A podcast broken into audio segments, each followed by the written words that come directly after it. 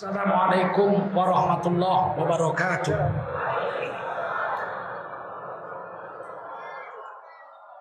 Hamdan wa syukran lillah wa salatan ala rasulillah wa ala alihi wa sahbihi wa mawala. Allahumma salli ala sayyidina wa habibina wa maulana Muhammadin wa ala alihi wa sahbihi ajmain. أما بعد قال الله تعالى في كتابه الكريم أعوذ بالله من الشيطان الرجيم. بسم الله الرحمن الرحيم.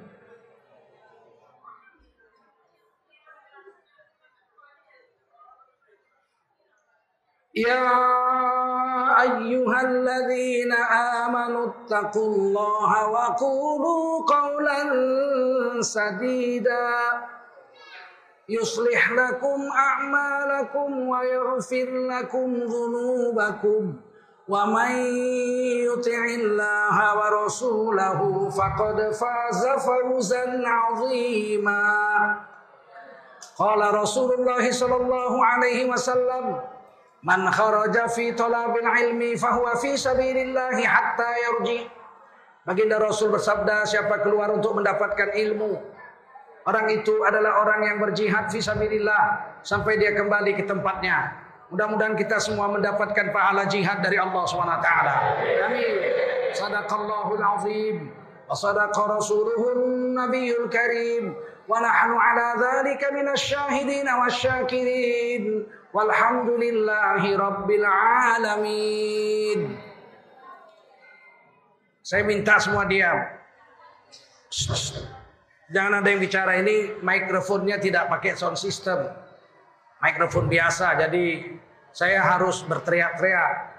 Kalau Anda tidak diam semua, maka kita susah untuk mendapatkan keberkatan pada ceramah pada malam hari ini. Nah, jangan ada lagi yang bercakap. Di luar masjid.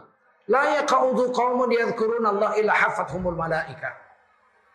Apabila satu kaum duduk rapat-rapat membicarakan agama Allah, kata beberapa orang sahabat membicarakan yang hak, yang batil, yang haram, yang halal atau berzikir kepada Allah.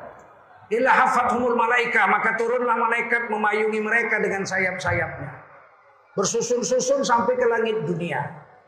Malam hari ini lebih banyak malaikat yang hadir dari orang yang hadir. Tapi kalau kita cerita-cerita dia pergi. Buat apa kami memayungi kamu? Kamu aja nggak menghargai majelis kamu. Rugilah kita kumpul kemari susah-susah. Malaikat tidak memayungi kita. Oleh karena itu harus kita diam. Agar malaikat tetap memayungi kita sampai ke langit dunia. Berjuta-juta malaikat yang tidak kelihatan oleh mata pada malam hari ini. Yang kedua, wa rahmah. Allah sirami mereka dengan kasih sayang. Kita dapat rahmat malam hari ini, dapat kasih sayang. Ingat masuk surga karena rahmat Allah, bukan karena banyaknya amal. Kita bisa beramal pun karena kasih kasih sayang Allah. Diberinya kita taufik, diberinya kita hidayah. Dengan duduk di sini kita dapat rahmat Allah SWT. Amin. Yang ketiga wa nazalat alaihi musakina. Mereka diberi ketenangan jiwa, jiwanya tentram. Hari ini orang mau tenang jiwa itu susah. Bayar sana, bayar sini. Pergi ke pantai. Berjemur-jemur macam buaya. Buka aurat. Supaya senang. Nggak senang. Hatinya nggak tenang. Punya rumah besar. Jiwanya nggak tentram. Kawin empat. Jiwanya tambah susah. Untuk mendapatkan sakinah ada pada agama. Zikir mendatangkan sakinah, baca Quran mendatangkan sakinah, sholat tahajud mendatangkan sakinah, sedekah mendatangkan tenang. Ngaji seperti ini dapat sakinah, dapat ketenangan jiwa.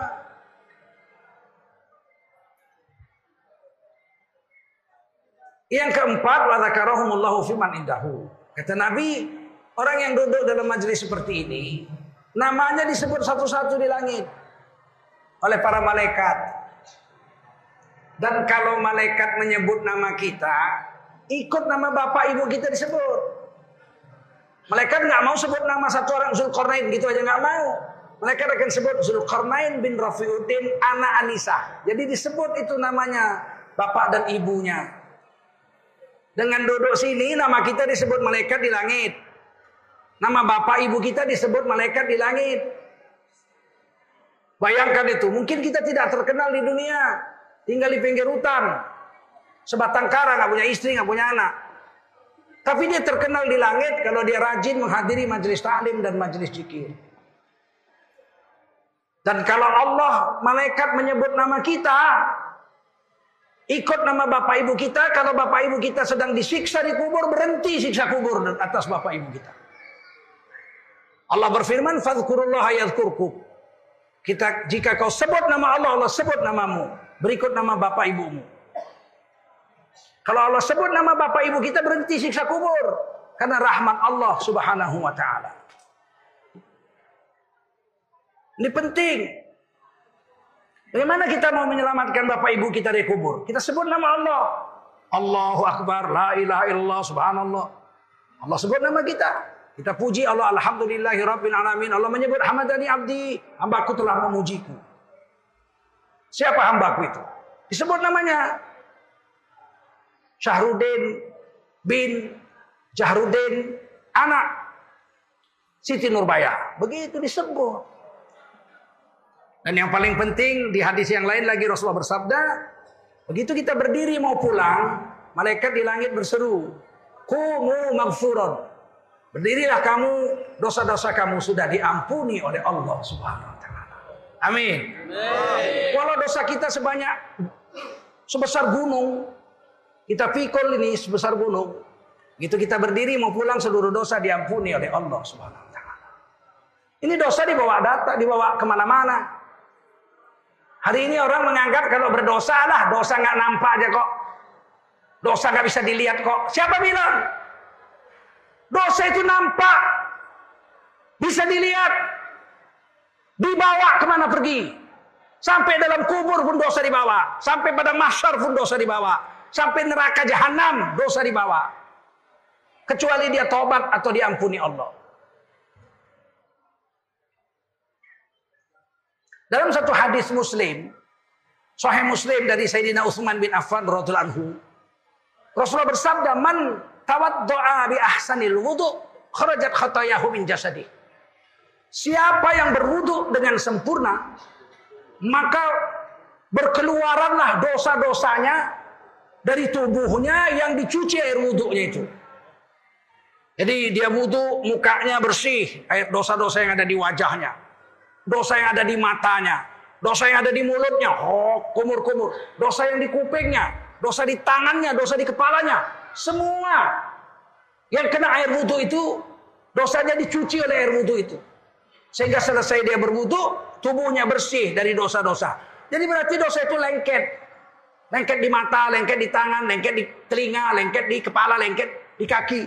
Disuruh cuci dengan wudhu supaya dosa itu gugur. Berarti kan dosa itu lengket. Betul nggak?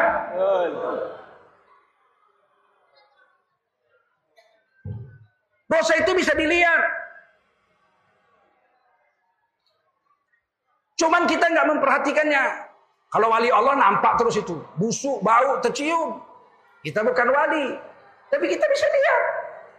Coba dudukkan seorang ulama yang hafal Quran. Di sebelahnya dudukkan pencuri. Sama nggak mukanya ulama sama pencuri? Jawab. Sama nggak? Tidak. Nampak nggak mana pencuri mana ulama? Nampak. Di, di kampungku pencuri sama ulama sama mukanya. Berarti pencurinya ulama.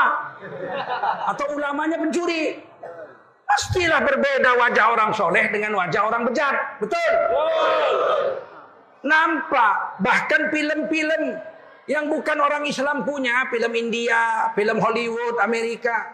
Itu kalau bandit pasti mukanya kriminal. Betul nggak?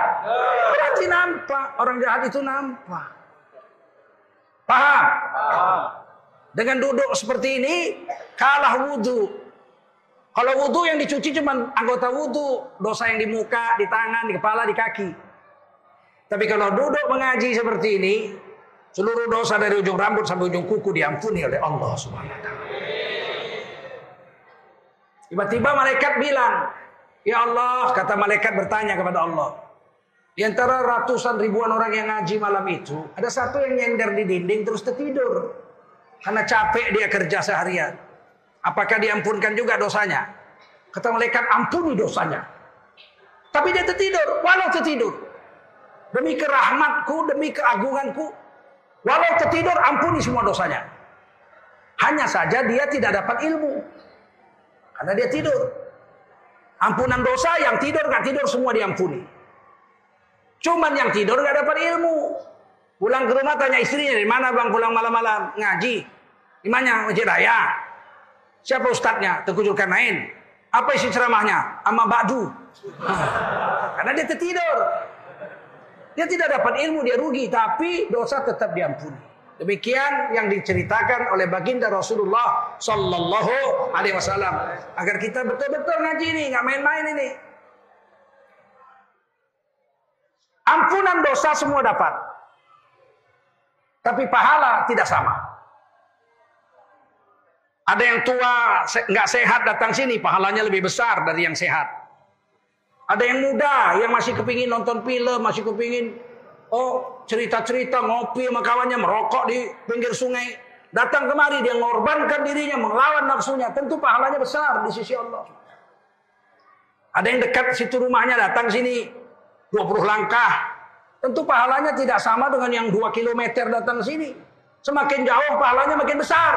Karena dia semakin susah mengamalkannya. Betul? Kalau begitu yang paling besar pahalanya akulah. Dari Jakarta. Betul? Nah, itulah Allah SWT Maha Pemurah. Allah tuh melihat kesusah payahan seorang hamba, kesungguh-sungguhannya mengamalkan agama. Itu dilihat Allah. Dan Allah berikan upah sesuai dengan kesusah payahannya mengamalkan agama.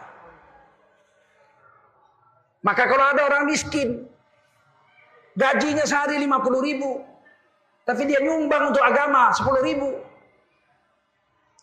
dengan orang kaya yang duitnya satu hari sejuta. Nyumbang untuk agama sepuluh ribu. Sama-sama sepuluh ribu. Tapi pahala sama nggak? Sama apa nggak? Nggak sama. Karena Allah lihat kesusah payahan itu. Inilah adilnya Allah. Alaihissallahu bi ahkamil hakimin. Tidak ada hakim yang lebih adil daripada Allah Subhanahu wa taala. Wajiblah kita bersyukur pada Allah Subhanahu wa taala Salawat dan salam kita sampaikan untuk baginda Rasulullah Sallallahu Alaihi Wasallam. Kita ini Bapak Ibu hidup di akhir zaman. Malam ini saya bahagia sekali saya ada di Tanjung Tiram ini. Sebab yang hadir ngaji ini 80% saya lihat anak muda.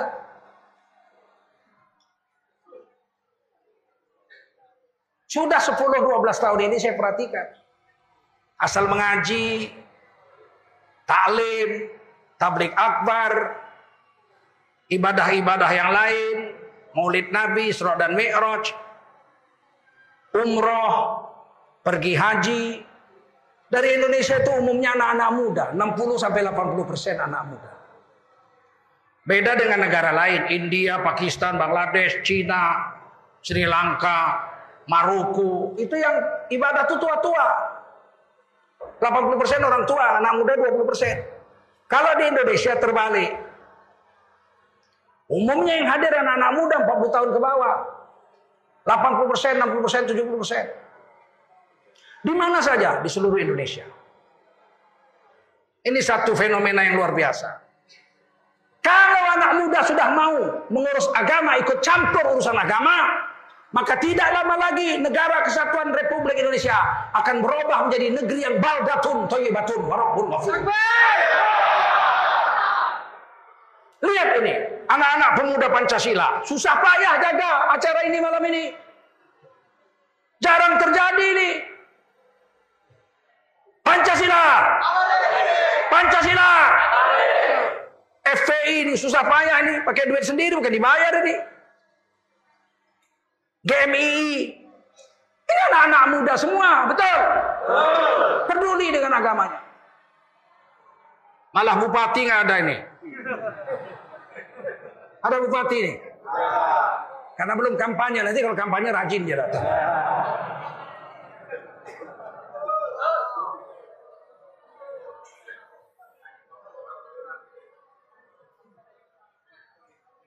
Orang kalau mau dengan agama berarti jiwanya jinak. Betul? Berarti jiwanya jinak. Orang beriman itu kalau masuk ke dalam agama, apakah zikir, baca Quran, salawat Nabi, baca Yasin, sedekah, majelis taklim, majelis zikir, itu orang beriman kalau mengamalkan agama seperti ikan yang diletakkan di sebuah kolam yang airnya jernih. Mereka akan merasa betah dalam majelis agama itu. Berenang-renang ke sana kemari, nggak mau keluar lagi. Tapi kalau orang munafik, orang fasik, durhaka kepada Allah, dipaksa datang kepada agama, suruh baca Quran, suruh taklim, suruh ngaji, mereka tuh gelupur-gelupur seperti ikan yang dicampakkan ke atas padang pasir. Nggak betah dia, goyang sana, goyang sini, kepingin pergi saja dari situ. Jiwanya tidak jinak.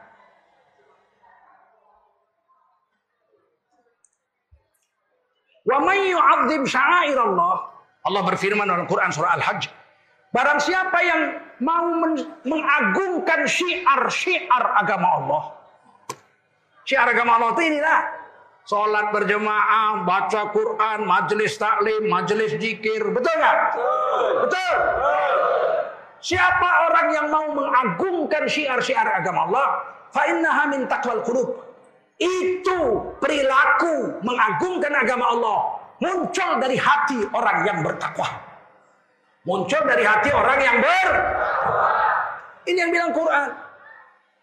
Oleh karena itu kita bisa mengukur diri. Diri kita, jangan diri orang kita ukur. Diri kita. Aku ini termasuk orang yang suka dengan syiar agama atau tidak? Kalau aku suka dengan syiar agama, berarti Quran mengatakan aku masuk orang bertakwa. Lihat aja. Ada sholat berjemaah, azan, ayat sholat, mau datang ke masjid. Berarti Anda mengagungkan syiar agama Allah. Ada majelis taklim, datang kita, duduk kita mengaji. Berarti Anda orang bertakwa, mau mengagungkan syiar agama Allah. Ada tablik akbar, Anda datang susah-susah, bahkan kadang-kadang kehujanan. Basah kuyup. Saya dulu kalau ada ulama-ulama tablik akbar, hujan pun gak bergerak saya. Saya ingat dulu Zainuddin MZ, Ustaz Abdul Wahab Lubis dari Sungai Kepayan. Guru-guru saya kalau ceramah dia, hujan pun saya nggak minggir. Nikmat kali saya rasa. Rupanya ada di Quran. Siapa yang mau mengagungkan syiar agama Allah itu orang yang bertakwa. Ada pirit pengajian Yasin, datang awak ikut situ. Sholat terawih, rame awak datang situ.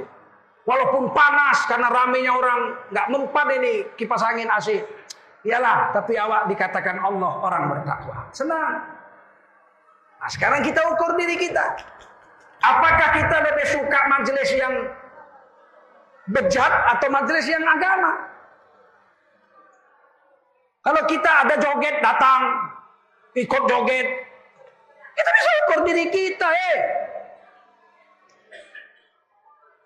Berapa banyak hari ini orang dengan agama nggak mau. Tapi kalau joget, ya Allah. Agak kanan, agak kanan, agak kanan, dan agak kanan, agak kiri, agak kiri. Bini orang di jogetnya. Di depan lakinya lagi. Lakinya diam pula. Jelek bau memang jelek bau. Bisa kita ukur kok diri kita ini suka majelis agama atau suka majelis yang bejat-bejat.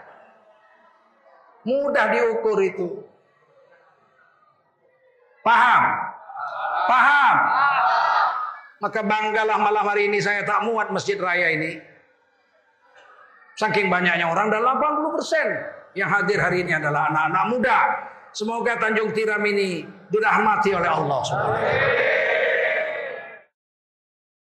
يا الله يا بصير يا سميع يا عليم يا حي يا قيوم برحمتك أستغيث.